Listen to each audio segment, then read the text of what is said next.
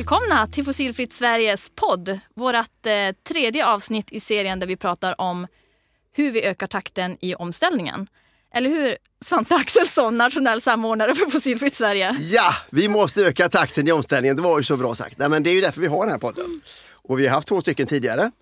Eh, Så det är ju väldigt kul att lära sig och förstå liksom hur vi kan öka tempot. Och vi har ju många olika spännande ledare som vi bjuder in de här samtalen. Och idag har vi ju äran att ha då vår gäst eh, Åsa Pettersson, eh, numera då chef för VD för Energiföretagen Sverige och tidigare också chef för hållbarhet och public affairs på Scania. Så varmt välkommen hit! Välkommen Åsa! Tack så hemskt mycket Malin och Svante. Roligt att vara här. Ja, och då tänker vi så här, liksom, eh, det finns mycket man kan, alltså första frågan är intressant. Ibland brukar jag fråga om, hur var din mamma? Eh, men vi tänker inte ta den idag. Eh, vi tänker ta, ta med en öppen fråga. Eh, har du några så här, ledarförebilder som du ibland tänker på att det där, de där har betytt mycket i mitt liv eller de ser jag upp till nu eller letar eller du får energi av, ja helt enkelt förebilder. Har du någon sån där? Eller flera? Ja, men det är viktigt att ha det. Eh, viktigt att inspireras av eh, ledare som går före. Och då är det väl just det som jag inspireras av. Ledare som sätter upp tydliga mål, har en vision och verkligen vill någonstans. Man kan inspireras av eh, eh, en person som Elon Musk till exempel som gör precis just det. Sätter ett mål och investerar allt för att nå dit. Eh, men egentligen så inspireras jag mer av ledare som också tar in hela ledarskapet i det. Också värderingsstyrt och eh, eh, tar med sig kulturen i företaget i kombination med den här liksom målbilden och visionen.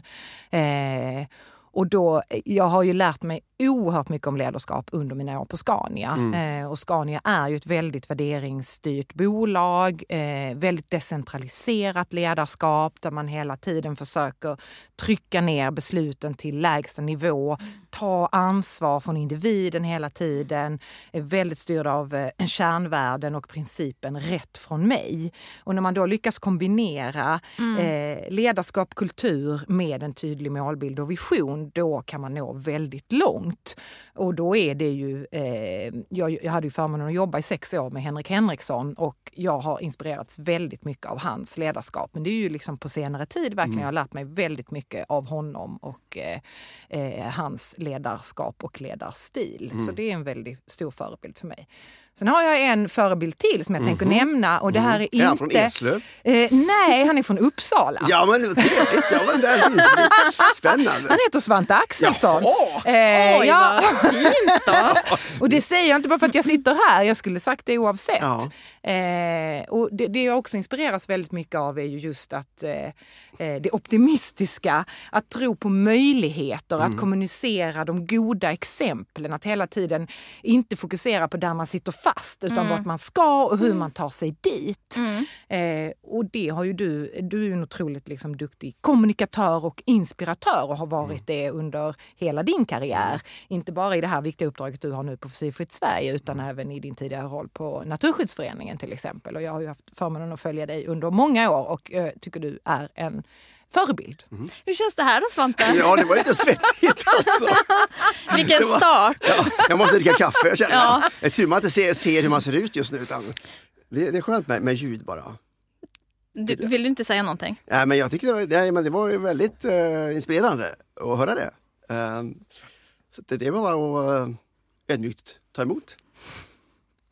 Vad tar du med dig av de här två förebilderna, Henrik och Svante, då, i ditt ledarskap nu när du är, har klivit in i en riktig ledarskapsroll som VD? Eller riktig, men verkligen riktig för, eh, vad heter det, ledarroll som VD. Ja, riktig och viktig. Det är Ja. ju eh, annorlunda såklart Ja. att vara vd för en hel organisation och eh, inte minst kanske en branschorganisation som ju skiljer sig väldigt mycket från eh, att vara chef i ett företag. Eh, för här handlar det ju verkligen om att samla sina medlemmar och gå i samma riktning eh, och, och liksom samla utifrån medlemmarnas behov eh, och energisystemets behov och samhällets behov. Och då, det jag tar med mig är ju verkligen att det är så otroligt viktigt att ha den här målbilden, visionen, vart är det vi ska Mm. någonstans och sen utifrån det då bryta ner vad betyder det? Mm. Eh, både för, för, för energiföretagen och våra medlemmar men också naturligtvis i, eh, i, i vårt kansli. Vi är ju 65 personer Mm. eh, som jobbar eh, på energiföretagen så det är ju väldigt viktigt för oss också att ha Mm. eh, i denna tid av förändring som Mm. vi ju är inne i. Vart, vart är det vi ska Mm. och, och varför? Eh, så det är ju en, en viktig... Eh, sen, sen finns det ju en viktig ingrediens till eh, och det är ju samarbete. Mm. Eh, och dit når man ju också genom att ha den här tydliga målbilden och veta vart man ska Mm. och sen bestämma vem gör vad då eh, och göra det tillsammans. Har vi den målbilden? Alltså, känns det som att vi vet vad vi, vart vi ska? Ja, det skulle jag säga. Mm. Vi har ju, det är ju klimatomställningen naturligtvis. Eh, vi har ju en målbild som land att vi Mm. ska vara eh, klimatneutrala till år 2045. Mm. Den första fossilfria välfärdsstaten. Mm. Eh, eh, men vad betyder det? Mm. Där har vi nog inte en riktigt lika tydlig målbild för Mm. det blir ju nästan direkt att man landar i målkonflikter. Vi har det här målet, hur ska vi nå det? Eh, och här ser vi ju liksom just elektrifieringen har ju blivit ett väldigt tydligt svar på Mm. eh, hur eh, både industrin och transportsektorn ska ställa om. Eh, men vad, vad innebär det då? Mm, det. Eh, och där har vi inte ett riktigt lika tydligt mål som samhälle. Och jag tror det, det är där vi måste börja. Vi måste vara eniga om eh, målbilden för att sen kunna eh, bena ut i de olika målkonflikter som alltid kommer att uppstå. Vi, det här är ju en omställning. Omställning betyder ju förändring. Och förändring eh, eh, innebär ju både hot och möjligheter för olika delar eh, i samhället. Men om man går tillbaka lite grann till ditt, till ditt egna ledarskap och dina målbilder för hur, en, hur du vill vara som ledare. Eh, du var ju säkert en viktig ledare på Scania också, eh, men nu är du högsta ledaren på, på, på energiföretagen. Eh, och tycker du det är, ja, är, det en, är det en utmaning eller känns det lätt eller nu när du kommer in med dina värderingar hur du skulle vilja vara? Eh, det är väl både en utmaning och men en rolig utmaning eh, att gå in i en, en, en sådan roll i den här tiden. Eh, samtidigt var det en oemotståndlig utmaning. Det är ju, någonstans så är det ju i energisektorn som, Ja. som det händer just nu. Eh, och få vara med då tillsammans med våra 400 medlemmar eh, samla kraft Gud, är det hur vi kan 400? bidra. Ja hur vi kan bidra i, i detta eh, tillsammans. Vi är ju en väldigt stark röst tillsammans. Mm. Så det är ju styrkan i en branschorganisation. Det är också utmaningen i en branschorganisation för alla tycker inte alltid Mm. lika och det är väldigt många olika Mm. eh, typer av företag, eh, våra 400 medlemmar och det är olika storlekar. Mm. Och, men någonstans så har vi ju just det här eh, målet klimatomställning i- och eh, eh, liksom fördubblad elanvändning till 2045 och vad det innebär då för hela energisystemet. För vi representerar ju, där är vi ju liksom väldigt, eh, vi har ju en väldigt tydlig röst från energiföretagen att Ja. vi representerar hela energisystemet. Mm. Eh, Så både liksom el och värmeproduktion Mm. till exempel. Eh, som ju kompletterar ju varandra i energisystemet. Men är det spänningar? Alltså, är det liksom eh, konflikter som måste få komma eller går det att liksom ha en harmoni? Eller måste vissa backa och vissa växa och vissa... Kan du se att liksom, är det, är det, ibland kan det vara ohållbart att ha en väldigt spretig familj som egentligen måste lösa någon konflikt som man inte vill lösa? Ja, men det är ju... Ehm, det är ju genom konflikter som man kan också kan hitta lösningar. Så tar vi inte de diskussionerna där det finns eh, olika syn på saken. Som sagt, det är där vi kan göra skillnad som branschorganisation. När vi lyckas då eh, lösa... Ja, ja. precis. Eh, sen kan det ju finnas frågor där vi inte gör det och då, får vi ju, eh, då har vi ju inte den här starka enade Nej, just det. rösten. Jag tycker redan att Åsa låter som du. Alltså Svante han älskar ju konflikter och kriser. Det låter nästan Åsa som att du också gör det. Ja, vi har Jo, men det ligger ju någonting, Ja. alltså, om du, inte, du måste ju få till de här diskussionerna eh, och, och utmana lite. Okej, vad, vad, vad tycker vi verkligen som bransch? Den diskussionen har vi eh, i en- energiföretagen just nu. Att om inte vi eh, själva föreslå en väg framåt. Vem vet bättre? Nej. Vem vet bättre än vi i Nej, branschen eh, hur till exempel eh, eh, elmarknaden eh, ska fungera framåt? Ungefär Vi samma har ju ja. många förslag och lösningar på det Ja. och då behöver vi ju enas kring hur vi för fram dem. Det är ganska spännande, man liksom, det använder ju också vi när vi jobbar i Fossilfritt Sverige, att, att kan vi inte enas, då har vi ingen makt. Då lämnar man ju över, walk-over, till andra att bestämma. Så det är en ganska bra motivation i en spretig grupp att känna om vi inte lyckas, ja, men då tappar vi rösten. Ja. Eh, Så det är ganska kul. Jag tänker på en annan som har stark röst, det är ju Greta. Och vi pratar om ledarskap på olika nivåer. Eh, Vad skulle du säga om Gretas skrik på brist på ledarskap och hur, hur, ska vi möta den typen av eh, ja, larmsignal som Antonio Guterres, FNs generalsekreterare, också uttrycker nu. Eh, Vad, skulle, vad tycker du är, är det som vi måste möta upp med? Ja, men det finns ju liksom en, en del i ledarskap också som handlar om mod. Eh, och verkligen våga då ta konflikterna eh, och också eh, vara långsiktig. Eh, för jag tror det är den här kortsiktigheten, kortsiktigheten hela tiden som gör att eh, Eh, och, och här är det ju en spänning med det politiska eh, landskapet. Vi är ju beroende av eh, regelverk och eh, kanske vissa då subventioner och stöd för att komma vidare och utveckla vissa lösningar. Och här måste man ju våga fatta de här långsiktiga besluten. Eh, och, och då krävs det ju mod både från eh, ledarna i näringslivet men också i politiken. Och återigen samarbete. Eh, och att vi sitter i, i, i samma båt allihopa. Har vi det här målet om klimatomställning och eh, nå Parisavtalet ytterst. Det gäller ju oss alla. Eh, så då behöver vi ju jobba tillsammans för det. Hur känns det då, tänker jag? Jag funderar ibland när vi sitter och pratar också. Malin, hur, vad är, liksom, går det bra i Sverige nu? Alltså, allt är ju otillräckligt. Vi skulle gjort allting för typ 20 år sedan. Men kan vi känna någon slags stolthet nu eller liksom, är vi på dekis? Alltså, vad har du för magkänsla över, liksom, när du pratar med dina barn, är Sverige på gång nu eller? Otåligheten finns ju där men kan vi också säga att vi har ett visst tempo? Jo, men det skulle jag väl verkligen säga. Med det tydlig, den tydliga ambition som nu är kommunicerad ifrån eh, svensk industri och transportsektor och alla de planer på, som finns eh, på att elektrifiera och bygga allt ifrån liksom, eh, gröna stålfabriker och batterifabriker som redan byggs och så vidare. Sverige är ju i framkant här. Eh, och, och vi ligger ju vi ligger lite i innerkurva här för att vi redan har ett fossilfritt eh, energisystem. Elen är fossilfri i Sverige. Vi har eh, eh, konkurrenskraftiga priser, eh, hyfsat låga elpriser, i alla fall i norra Sverige. Just det, ja. Precis.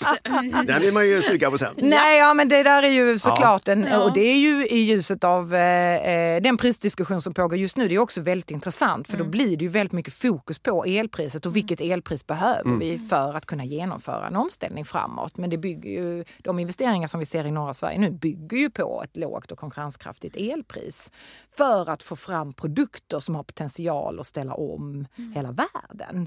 Eh, så det här är ju verkligen någonting som vi i Sverige ska vara stolta över och också enas som land kring att bygga AB Sveriges eh, möjligheter och konkurrenskraft.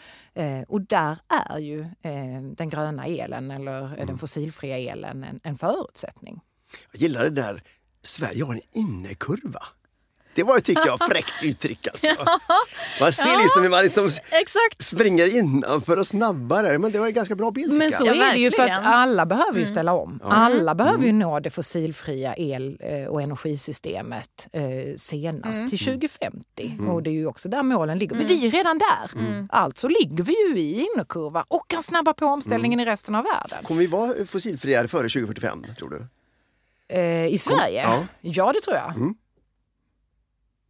Tror jag med. Men det är också intressant, tänker jag, för det är det här med, ska vi ändra målet eller kommer vi springa före ändå? Men det är ju vissa saker som behöver komma på plats då. Och En utbyggnad av energisystemet står ju i centrum för att vi ska kunna klara av det. Eh, där är det ju vi, vi eh, i energibranschen är ju verkligen eh, en möjliggörare för eh, industrin, transportsektorn, eh, kemiindustrin liksom, a- att, att klara av sin omställning. Men vi behöver ju eh, då eh, se till att kunna möta den också. Och det är ju en enorm möjlighet för branschen. Ska vi fördubbla eh, liksom vår elanvändning till 2045? Vi pratar mindre än 25 år. Det, är en, det, det, det är väldigt, väldigt kort tid. och det ska till ett helt system Ja. till. Vad behöver vi göra Ja. eh, för att nå dit? Är vi inne på det där äh, kaskaden av, liksom, äh, vi har ett orakel i rummet här Ja, som ska lösa alla frågor. ja. Ska, vi, ska vi börja äh, berätta hur vi känner inför livet? ja, ska vi göra det? Ska Ja. vi berätta hur vi känner? Ja. Vill, du, vill du börja här? Ja, mina föräldrar. Nej, nej, men jag tänker på... äh, Mm. Vi är ju ett, liksom, jag tror många människor känner att ett, ett nästan energikaos helt plötsligt. Uh, kärnkraft, inte kärnkraft, elpriserna är i topp, vindkraften stoppas rätt mycket, allt oftare. Um, vad finns det mer? Ja, men elkris i Europa, superhöga elpriser. Stater går in och ger pengar till privatpersoner som får för höga elräkningar. Um, ja, energibranschen är ju i, eller elbranschen kanske främst här, är ju i hetluften.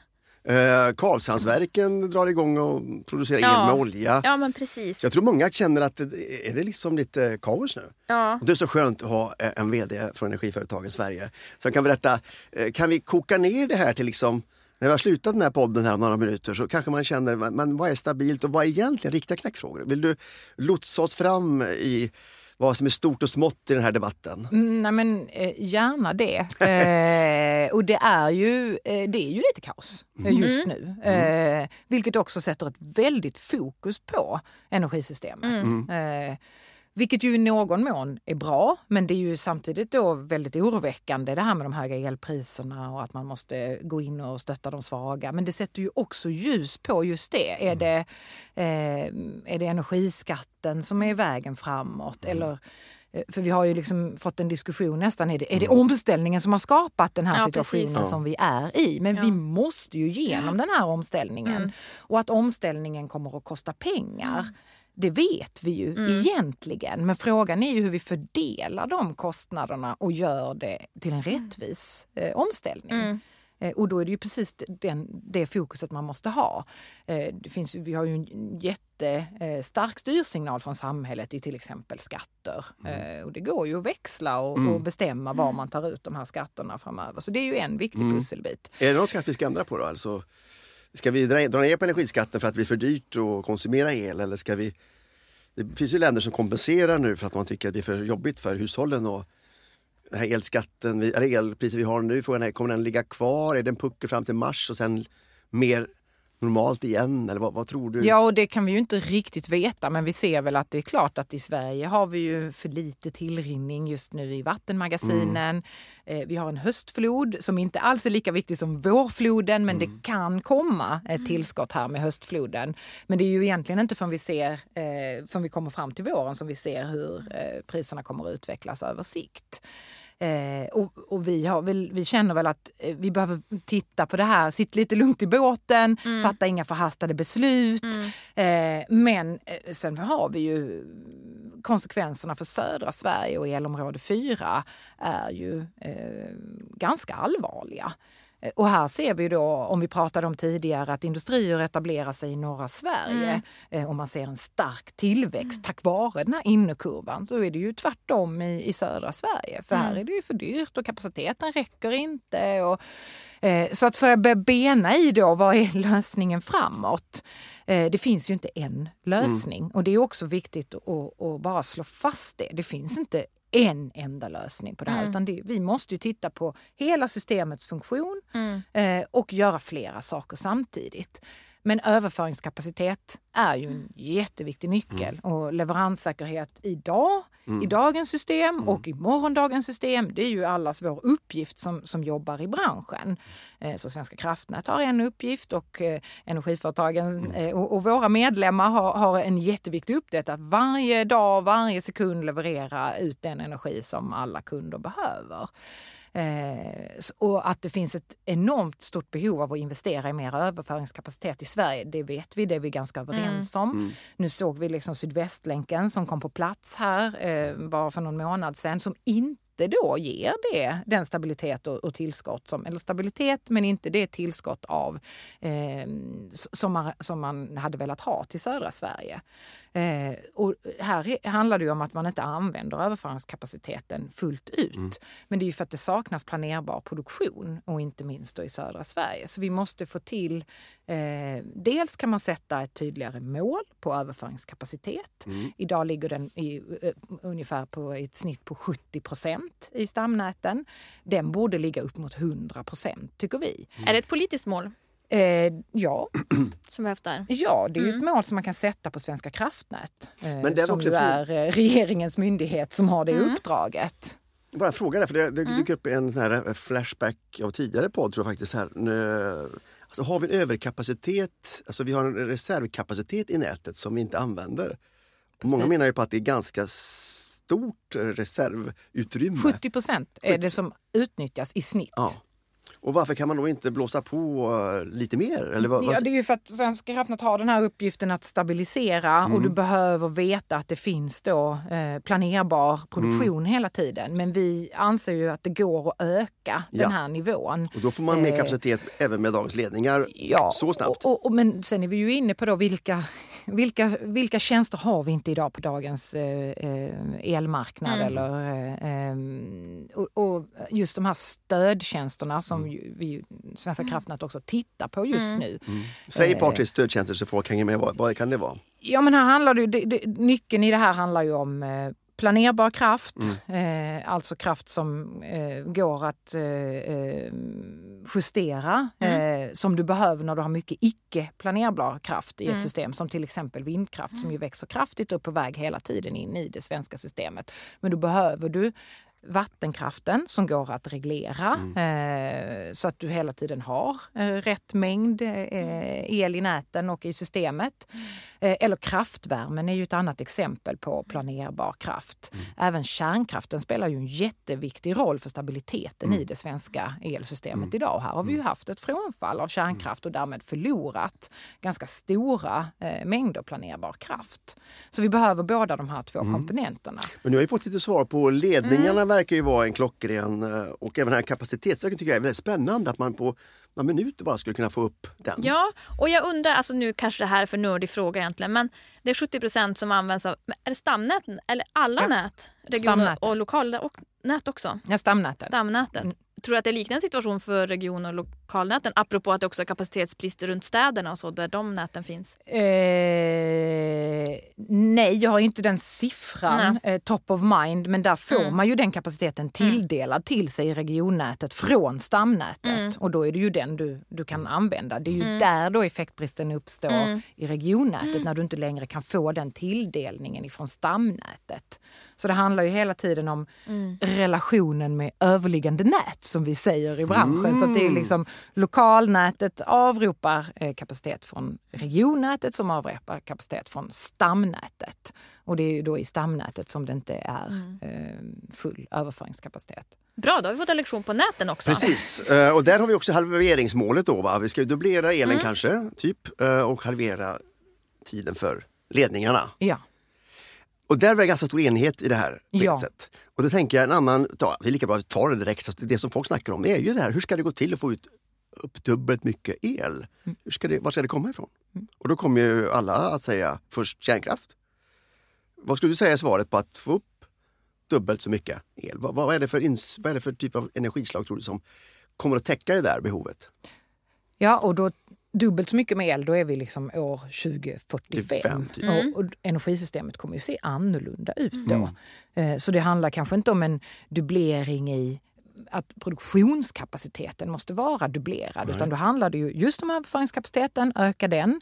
Eh, men du måste ju få in naturligtvis eh, massor med ny kraft mm. också. Eh, vindkraften växer ju som sagt väldigt kraftigt nu. Det finns ju eh, ansökningar på havsbaserad vind på 500 terawattimmar. Mm. Nu är ju det en dubbelräkning, ska mm. man ju mm. också understryka när man använder den siffran för att flera av de ansökningarna är på samma platser. Så att det där kommer, det, det kan kan inte realiseras så högt. Men det finns ju mycket intresse att bygga havsbaserad vind. Eh, och sen har vi som sagt eh, kraftvärmen eh, och även, här ska vi ju komma ihåg fjärrvärmen som är en, en, en, en jätteviktig användningsområde som, för att inte använda el. Just det. Eh, och då är vi ju inne liksom på det är ju en energieffektivisering Mm. att använda värme istället för el. Så att absolut bibehålla den eh, fjärrvärme som vi redan har. Mm. Men helst också bygga ut.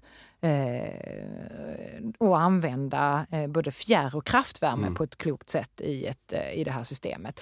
Sen så får vi ju med vindkraft och vätga- vätgasproduktion som ju eh, många kopplar ihop så får vi ju också möjligheten att använda lager Mm. som vi inte liksom ser i dagens energisystem på det sättet. Och det vet vi inte riktigt hur stor Nej. roll eh, det kan spela om du har en elproduktion som du samtidigt då, eller som du kan lagra och sen använda in i systemet. Så därför menar jag, sen är det ju jätteviktigt, eh, kärnkraften, eh, så länge den kan leverera eh, så är den en viktig grundbult i systemet naturligtvis. Eh, så att vi ju- behöver ju alla. Eh, de, Och solkraften ska vi inte heller glömma bort, Nej. växer också eh, från låga nivåer men växer väldigt fort. Så det här kommer ju förändra hela vårt energisystem i grunden. Och det är där jag menar att de här stödtjänsterna, Ja. du får ju inte betalt för den här reglerbarheten i vattenkraften idag till exempel. Eller möjligheten att lagra energi eller eh, från kraftvärmen som också har en elproduktion som du kan bestämma över och planera. Så vi tror ju, och jag tror att vi behöver liksom hitta en ny marknadsmodell eh, som hjälper till att eh, svara på frågan hur når vi en dubblerad Ja. eh, elproduktion. Just det. Eh, eller det är därför vi säger elanvändning, för det är ju inte produktionen Ja, kanske det. som behöver Mm, dubbleras. Ja, precis. Och också det här med överföringskapaciteten där. Men det var ju egentligen, svaret kändes ju här som mer av allt egentligen. Det var ju väldigt diplomatiskt. Finns det något som du ser boomar ordentligt här snart? Jag vet vad jag ska säga. Jag med. Vad, vad kommer jag säga? Jag väntar. Det är bättre att andra säger det. Det energislag som vi ser kraftigast tillväxt i just nu är ju vindkraften. Det är där det finns liksom flest. Samtidigt som du var inne på Svante så ser vi ju också att många vindkraftsprojekt eh, blir försenade, blir inte av. Så det är ju stora osäkerheter även i utbyggnaden eh, av vindkraften. Men det är ju där vi ser de största tillväxtplanerna just nu. Sa hon havsbaserad vindkraft uttryckligen eller hur, Du hörde det hur Svante. tolkar du det Malin? Jag ser på dig att du hörde det. Jag hörde också det. Men hon sa vindkraft. Ja, och så vindkraft. Men är det inte den som är, för jag tänker många människor måste ju ha ett svar. Alltså, sitter man hemma och kollar på Aktuellt Rapport och folk sitter och, i tv och säger ja, vi ska nog eh, dubblera elanvändningen. Eh, Då undrar vi hur ska det gå till? Och då är det ju den här också politiska debatten om kärnkraft och inte kärnkraft. Och då upplever jag ju att det som marknaden och det som är prismässigt mest konkurrenskraftigt är ju vinden till havs kanske och det är också snabbare. Men jag tyckte det var en väldig nyansering som var klok där. Alltså, du pratar inte om produktion utan användningen. Det där kan ju att det kommer in mycket mer roliga spelare på planen, du sa så.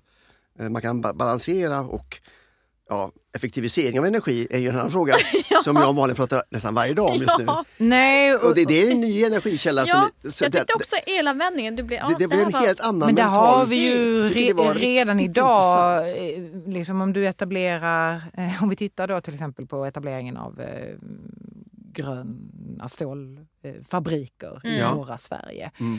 Ja men då räknar man på sitt elbehov. Men då tänker man kanske inte in, eh, eller det är ju den dialogen då som våra medlemmar har just nu eh, ute liksom med de här aktörerna. Vad, in, vad, vad får ni för spillvärme eh, från eh, den här produktionen? Då? Och går den att använda eh, till fjärrvärme och därmed då skapa en, en energieffektivisering och undvika en elanvändning? Då är det kanske inte eh, det där högsta terawatt-talet. Vi gjorde ju en scenariestudie från energiföretagen som vi publicerade i maj. Där vi gjorde ju den övningen att vi la ihop alla då kommunicerade eh, projekt från industrin och transportsektorns elektrifiering. Eh, och landade ju då i ett högnivåscenario på att det kunde vara så mycket som 310 terawattimmar som skulle behövas till år 2045. Men då tog vi ju just det som eh, de här liksom industriprojekten själva har kommunicerat. Eh, men här finns det, och det här återigen är ju eh, samarbete en väldigt viktig nyckel. För att om vi i energiindustrin, krokar arm med industrin tidigt i de här projekten så kan vi hitta nycklar till just energieffektivisering och se just ur ett systemperspektiv. Ja, så det du säger Eh. egentligen att de här 310 det är deras eh, önskade elanvändning men sen så kommer, de, kommer det bli spill som andra använder så att det, det kommer ut i systemet på annat sätt. Det tangerar också en, tror jag, en fråga Ja. vi har haft uppe. Vi hade någon idé tror jag som vi har fört fram som vi har fått från andra branscher att man, man borde när man begär tillstånd för en elledning Mm. också säga men då måste du berätta hur spillvärmen ska användas. Så att man bygger affärsidén innan man får kabeln. Så att man får den här spinoffen. Och det menar jag på att är det någonting som redan är igång eller jobbar ni så proaktivt att ni får fram den här spillvärme som inte blir spillvärme då om man hittar bra användning? Det handlar ju helt om då just den här dialogen Ja. mellan vår bransch, energibranschen och eh, de, den industri som håller på att etablera sig. Och den dialogen ser ju olika ut på olika platser. Vi har ju Skellefteå naturligtvis som ett framgångsexempel och Skellefteå Kraft som verkligen tittar på hela den här cirkulära delen i etableringen av fabriken i Northvolt. Men det här pågår ju eh, överallt den här typen av industrietableringar sker. Eh, så där kan vi ju komma in som en rådgivare och en partner eh, för att titta på det verkliga då, energibehovet. Mm. Jag är fortfarande kvar i den här frågan för jag tror många känner ändå, eh, och det kanske är lite känsligt på ett sätt, men alltså det är ju en väldigt kärnkraftsfixerad politisk debatt. Och du lägger ju inte fram korten på det sättet att liksom det är kärnkraft som ska ta det stora betinget. Hur ser du på den debatten att det är så mycket alltså, mot för kärnkraft helt plötsligt i den politiska debatten när det inte tycks vara den som är Ja, men det är en potatisen? intressant diskussion eftersom politiken är ju alltid intresserad av att hitta skiljelinjer. Mm. Och nu går vi snart in i eh, ett valår Mm. och eh, från båda eh, sidor här, Mm. som de här nya sidorna vi har i politiken, som är mån om att vara tydlig med vad man är överens om Mm. eller vad man inte är överens om. Eh, och då är det ju fascinerande att se att man lyfter, vi är överens om, om kärnkraft till exempel då, eller eh, Eh, för det är ju egentligen inte en fråga som polit politiken ska eh, styra över på det viset. Och då är vi tillbaka till vad vi behöver är ju att sätta ramarna för marknaden. Hur ska marknaden se ut? Eh, eh, och vilka regler ska gälla? Och just det här med reglerkraft och planerbar kraft och så vidare. Och sen är det ju marknadsmekanismer eh, som redan idag avgör investeringar i den här marknaden. Så att, eh, att redan på förhand säga vilka kraftslag som ska... Men vi, vi behöver ju som sagt, eh, vi behöver alla kraftslagen. Så vi behöver ju uppmuntra och sätta spelregler för en fungerande... Och det finns inte en joker som kommer att lösa ut allt det här. Så tyvärr så finns det ju inte det där svaret. Känna lugna, vi satsar på det här så kommer det lösa sig. Vi behöver vind, vi behöver sol, vi behöver kraft och fjärrvärme, vi behöver kärnkraften, vi behöver vattenkraften. Eh, Verkligen eh, fortsatt, som spelar ju en otroligt viktig roll i det svenska energisystemet. Men då blir frågan, tänker jag, för oss här, alltså våra branscher som, som ska ha mycket el, kan de vara trygga med att eh, marknadssystemet är så smart riggat att man behöver inte ha elångest eh, i den meningen? vi man- måste skapa eh, nya regler kring Okej. den här marknaden. Och då är det stödfunktionsbetalningar, stödtjänster vi pratar om. Är det andra saker som måste Ja, men till? även bygga in det här med liksom lager och... Eh, Få betalt för lager eller att... precis. Ja. Ja. Mm. Och apropå havsbaserad vindkraft så kom ju förslaget här om att Svenska kraftnät bygger ut nu eh, undervattenskablar till havsbaserad vind. Va, hur, vad säger du om det förslaget? Eller beslutet är det ju nu. Det blir ju ett sätt att eh, eh, då bestämmer ju staten att nu gynnar vi utbyggnaden av det här kraftslaget. Eh, så att då, där är ju igen då, vi behöver ju ha en, en teknikneutral marknad där vi, men, eh, där vi ändå ser till att eh, eh, vi får alla de här kraftslagen på plats. Men vinden verkar ju vara den som har mest flow just nu. Eh, Och vi har haft dubblering av vindkraften tror jag på fyra år. Tror du att den här vindkraften på land, är den liksom, eh, kommer den att så här, klinga av? Eller ska man ha ett system där man eh, återför intäkterna till de som har vindkraftsparkerna som grannar? För att få större acceptans för vindkraft på land. Ja, vindkraften växer kraftigt. Men jag vill återigen understryka att den, det är ju liksom viktigt att vi vårdar alla de kraftslagen Ja. vi har. Eh, vindkraft på land eh, har ju den då eh, utmaningen att eh, det är ingen som vill bo nära de här parkerna och då är vi inne i de här målkonflikterna. Mm. Var ska de byggas? Vem, på vems bekostnad så att säga. Eh, och ja, jag tror att eh, det finns ju väldigt, eh, det, finns ju redan etablerade system för det med så kallade bygdepeng Mm. Eller att man återför någon typ av också finansiell och ekonomisk nytta till de regioner där man bygger vindkraft. Så det tror jag vi kommer att se en, en fortsatt utveckling av. Mm. Eh, och att vi fortsätter hitta liksom, bra platser för att fortsätta kunna bygga landbaserad vind i, i den utsträckning det går. Mm. Men havsbaserad vind, då kan du ju bygga större naturligtvis parker eh, och få ännu mer produktion. Har inte vi någon favorit där på eh, havsbaserad vind? Alltså aktioneringen. Aktionering. Kan det- inte du berätta lite om det Malin? Eh, ja, men det handlar ju om att man väljer ut några platser, i princip staten eller någon myndighet väljer ut några platser och så sen så får olika eh, producenter buda in deras, eh, det lägsta elpriset de kan producera på den platsen och då är det ju ganska eh, konkurrensutsatt marknad och så vinner den som eh, har lägst pris. Eh, och det, det är ju lockande. Mm. vad, vad vad säger ni om den idén?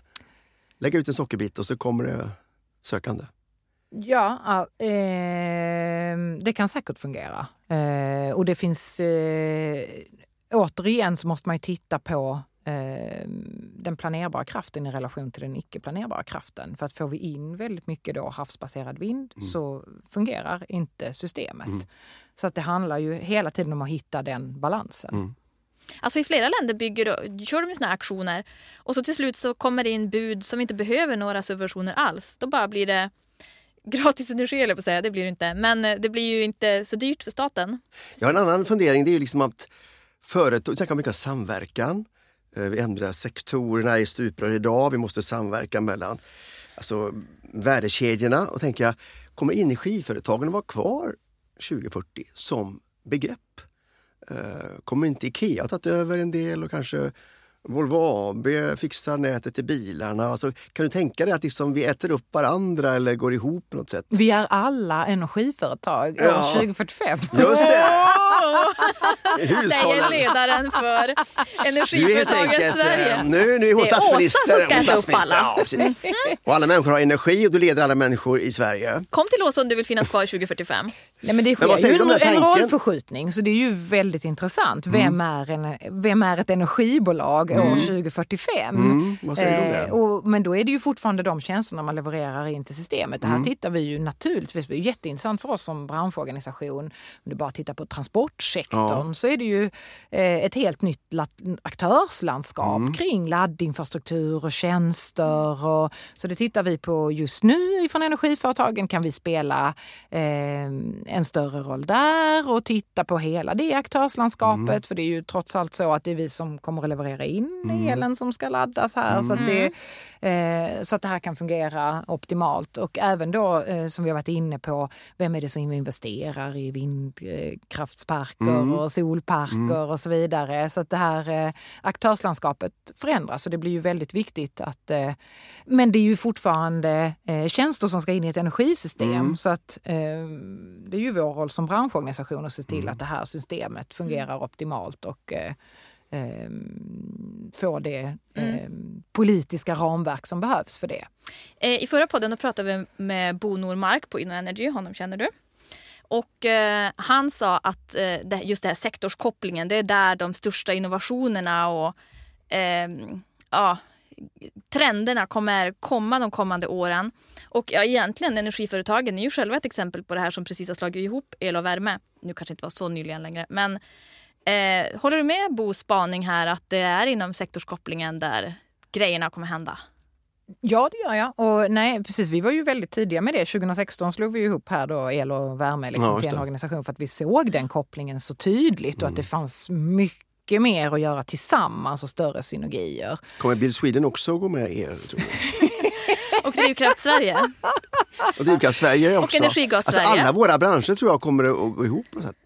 Nej, men det, det, och det är ju väldigt intressant, var går gränsen Ja. då mellan eh, en eh, elproducent och en vätgasproducent och vem gör vad på vilken sida? Är det ens intressant att diskutera det i framtiden? Eh, då är det kanske inte främst ur ett branschorganisationsperspektiv som det är intressant Nej. och relevant. Men det blir ju verkligen hur ser det här nya energisystemet Mm. ut? Och hur kan vi kroka arm för att få det att hända? Så det här behöver vi. Men Vi har ju redan samarbete. konflikter här tänker jag. Jag hör lite rykten, folk som viskar i örat på mig, så att det är lite slagsmål nu om laddstrukturerna. Här. Så är det energibolagen, eller är det bilfabrikanterna, eller är det mackägarna? Och den här trepartsfajten kan låsa utvecklingen i Sverige. Så just nu är det kanske lite sådär att man, man, eh, man sitter på varsin kant och, och vill hålla sin marknadsfördel Eh, och att det kan fördröja om vi inte löser upp den där eh, ja, konflikten helt enkelt som vi älskar att ha. Ja, det är ju som sagt det är ju, det är ju bra med den här konflikten men man måste ju också komma vidare ur Ja, den. Och det är ju återigen vilket mål är det vi har då? Ja. Eh, och vilket är mm, liksom medlet för att nå dit. Eh, för vi kan ju inte Mm. Men sitta håller och stoppa bilden upp. att är det lite- eh, nej, ja, Är ja. det lite fight runt de här olika, så nu vill kanske Volvo, Tesla och andra liksom växla upp mot kunden och ta den tjänsten också. Och Preem och Circle K vill ju också växa och ni har era företag. Så att, eh, är, det en, är det en sann bild tror du att det just nu är lite Men jag tycker det är en väldigt positiv utveckling. M- Men man försöker hitta affärsmodellerna i detta. Mm. Ja. Vilka är affärsmodellerna och vilka ska samverka och vilka roller? Hur långt upp i eh, kedjorna ska man Mm. gå själv som eh, eh, fordonstillverkare eller energileverantör? Eller det, så det här, det är ju... Eh, och där får vi ju försöka, eller det är ju det vi försöker göra då, stötta som branschorganisation på, på, på bästa sätt. Mm. Men det är ju en, en, en, eh, en affärsmodellsutveckling som sker just Mm. nu. Och den kan vi ju inte stå i vägen för. Nej. Ja. En annan sån här skojig person är ju individen själv. Alltså, att, eh, alltså, Axfood håller ju på vilja sälja solel eller använda mer solel och det är begränsningsregler där så att man inte kan använda hela taket. Hur ser du på den typen av mer decentraliserat då, eh, leverans? Du nämnde ju solen tidigare här och det är många som vill investera jättemycket. Eh, och det begränsas ju av olika skäl. Eh, är det ett hot att individer skulle konkurrera med de klassiska kraftproducenterna? Nej, det tycker jag inte. Och den där diskussionen har ju pågått länge. Just Ja. liksom decentraliserad eh, produktion och hur Mm. får vi in den på, på näten och prosumenter och hela Mm, den relationen. Och där är vi ju i branschen, vi välkomnar ju det. Mm. Och det är ju ett, ett, eh, ett, eh, ett välkommet tillskott. Eh, och då är vi ju inne på en fråga också om flexibilitet. Mm. Eh, och hur man egentligen då kan styra elanvändningen, både vilken produktion som kommer in och när användningen sker på dygnet. Och här tror jag ju att eh, det kommer ju också förändras totalt i grunden, också på grund av digitalisering. Eh, för här kan ju inte vi som enskilda elkonsumenter kan inte krävas på att försöka hålla reda på vilken, eh, hur dags du ska sätta på din Nej. diskmaskin eller eh, ladda din elbil. Så här behöver vi ju eh, lösningar för att få det här på plats. Eller när du ska sälja tillbaka din solel in på nätet. Så här sker det ju en väldigt snabb utveckling och digitalisering som också då kommer att eh, optimera användningen och frigöra eh, effekt. Finns de aktörerna redan inom energiföretagen? Många av våra medlemmar tittar ju naturligtvis Mm. väldigt mycket på det och vi har ju en försök med flexibilitetsmarknader både i Stockholm och på Mm. andra platser i landet. Stockholm Flex, eh, Mm. där, där ju flera liksom av våra medlemmar är med och driver det. Eh, Där vi lär oss jättemycket. Eh, Så absolut.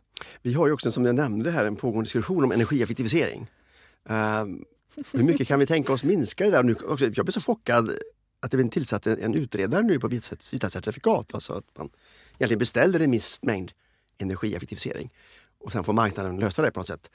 Eh, men hur ser du på, är vi dåliga på effektivisering eh, kontra andra länder och vilket styrmedel skulle det kunna vara? Är det här ett bra idé att liksom, ha en negativ handel kan man ju säga, för att få till en effektiviseringsmarknad? Vi är inte dåliga på effektivisering i Sverige. Vi har också flera framstående industribolag som jobbar med, liksom, vi har Alfa Laval och så vidare, som verkligen utvecklar lösningar för det här. Så vi är inte dåliga på det, men samtidigt har vi ju haft ett väldigt lågt elpris. Så incitamentet har kanske inte funnits där alla gånger för att eh, verkligen energieffektivisera och hela vägen ut i hushållen har det ju, det, liksom den medvetenheten och den styrningen har inte funnits. Så allt det här eh, sitter ju ihop. Hur sätter vi, eh, och, och det är ju väldigt kopplat till Eh, därför så är ju effektmarknader väldigt intressanta. Mm. Om du har olika priser olika på dygnet, olika, vid olika tidpunkter på dygnet, eh, även för en industri, så kan, du påverkar du ju det här beteendemönstret eh, väldigt mycket. Så jag tror definitivt att energieffektivisering är en nyckel. Eh, sen är kanske inte vita certifikat det styrmedlet som vi hade önskat oss. Eh, men eh, den här, de här prissignalerna är ju just en del av den här marknadsmodellen som vi måste eh, utveckla. Jag har fått en bild av att Sverige har varit duktiga på energieffektivisering och sen har vi blivit sämre. Eh, och nu i somras kom ju EUs Fit for 55-paket där det är nya energieffektiviseringsdirektiv med nya siffror som jag inte har top of mind men som är bättre än vad vi gör just nu. Eh, och så har vi ju det här målet om 50 effektivisering till 2030. Är du lika optimistisk på det målet som på fossilfrihet 2045? Ja, Så lätt! jag är ju, eftersom Svante är min förebild så är jag ju ständig optimist. Men det måste vara, det måste vara faktabaserat också. Finns det grund för det? Ja, eh, jo men det tror jag. Det tror jag absolut. Eh, Men då handlar det ju om styrning eh, och det tror jag framförallt då i, i form av pris som man kan styra det. Pris på effekt då eller pris på energi? Alltså, för nu är ju elpriserna, nu skulle de ju effektivisera hur mycket som helst i SE4 men Mm. Nej, och det är ju, det är ju inte Mm. rimligt. Ja, det är kanske är dags att börja knyta ihop säcken. Uh, Tycker du det? Jag tycker nog det. ja. För att eh, nu känner jag att liksom eh, vi har fått en bra bild av hur det är. Så den här kaosbilden vi försökte måla upp, den har du plockat ner bit för bit. Eh, och det som det också landar mycket i det här med spelplans, förlita sig på spelplanen och förändra spelplanen så vi får de, de tjänster vi vill ha och inte in och peta i detaljer. Eh, Finns det mer saker som du fångat upp Malin som är eh, har, vi- har vi fått de, den struktur och ordning i skallen av det här samtalet som vi har hoppats på med tanke på att vi målade upp en liten, många kriser på gång samtidigt och det är drömjobb för dig förstås. Jag tycker vi har fått en del eh, svar och en del tydlighet i energipusslet. Eh, en till sak som jag tyckte var kul det var ju det här lite nya vridningen på dubblerad elanvändning. Det öppnar ju upp en större eh, kreativitet eh, och möjlighetsportfölj portfölj att tänka så. Det tyckte jag var kul. Man undrar ju om Åsa själv har fått någon ny tanke eller hon har sagt det hon brukar säga. Eller fanns det någon klurighet här som, som dök upp att det där får jag tänka vidare Nej, men på? det är väl kanske potentialen i energieffektiviseringen som vi inte talar så mycket om, som ju är en viktig del av energipusslet. Svante, hon smörar för dig nu. Ja, effektivisering, det är perfekt ju. Men sen skulle jag vilja säga att det här pusslet eh, är vi ju på god väg att lägga eh, med regeringens elektrifieringsstrategi som vi ju nu alla sitter och väntar på att den ska läggas fram. Här har man ju faktiskt tagit ett helhetsgrepp eh, och har med eh, många viktiga bitar i det här pusslet. Eh, både liksom roller och ansvar som ju en, verkligen är en nyckelfråga. För idag saknas ju ett övergripande ansvar över alla eh, funktioner på marknaden. Och vi har flera olika viktiga myndigheter men till exempel det här med att sätta de övergripande målen för nu har EI fått ett uppdrag att sätta mål på leveranssäkerhet, jättebra, men och då ett övergripande mål på överföringskapacitet skulle ju vara ett bra komplement. Så du är hoppfull att elektrifieringsstrategin kommer svara på roller och ansvars... Nej, inte ge oss ett svar direkt men att vi identifierar och börjar jobba okej. fram svaret. På, jag tror inte att alla svar kommer att finnas i elektrifieringsstrategin men det blir ett viktigt startskott för oss alla som jobbar med eh, energiomställningsfrågor att börja just bena ut och kunna svara på frågorna en och en. Ja, jag förstår. Jag hann börja hoppa men jag slutar. Ja, men vad härligt! Tack Åsa för den energi du har givit oss och den eh, klokskap. Och, eh, intressant också hur du ser på hur vi ska utveckla marknaden och kanske är energiföretagen har ätit upp alla andra företag 2045. Det vet man inte. Det är mycket man inte vet. Nej, mycket intressant. Ja. Tack så jättemycket. Tack själva!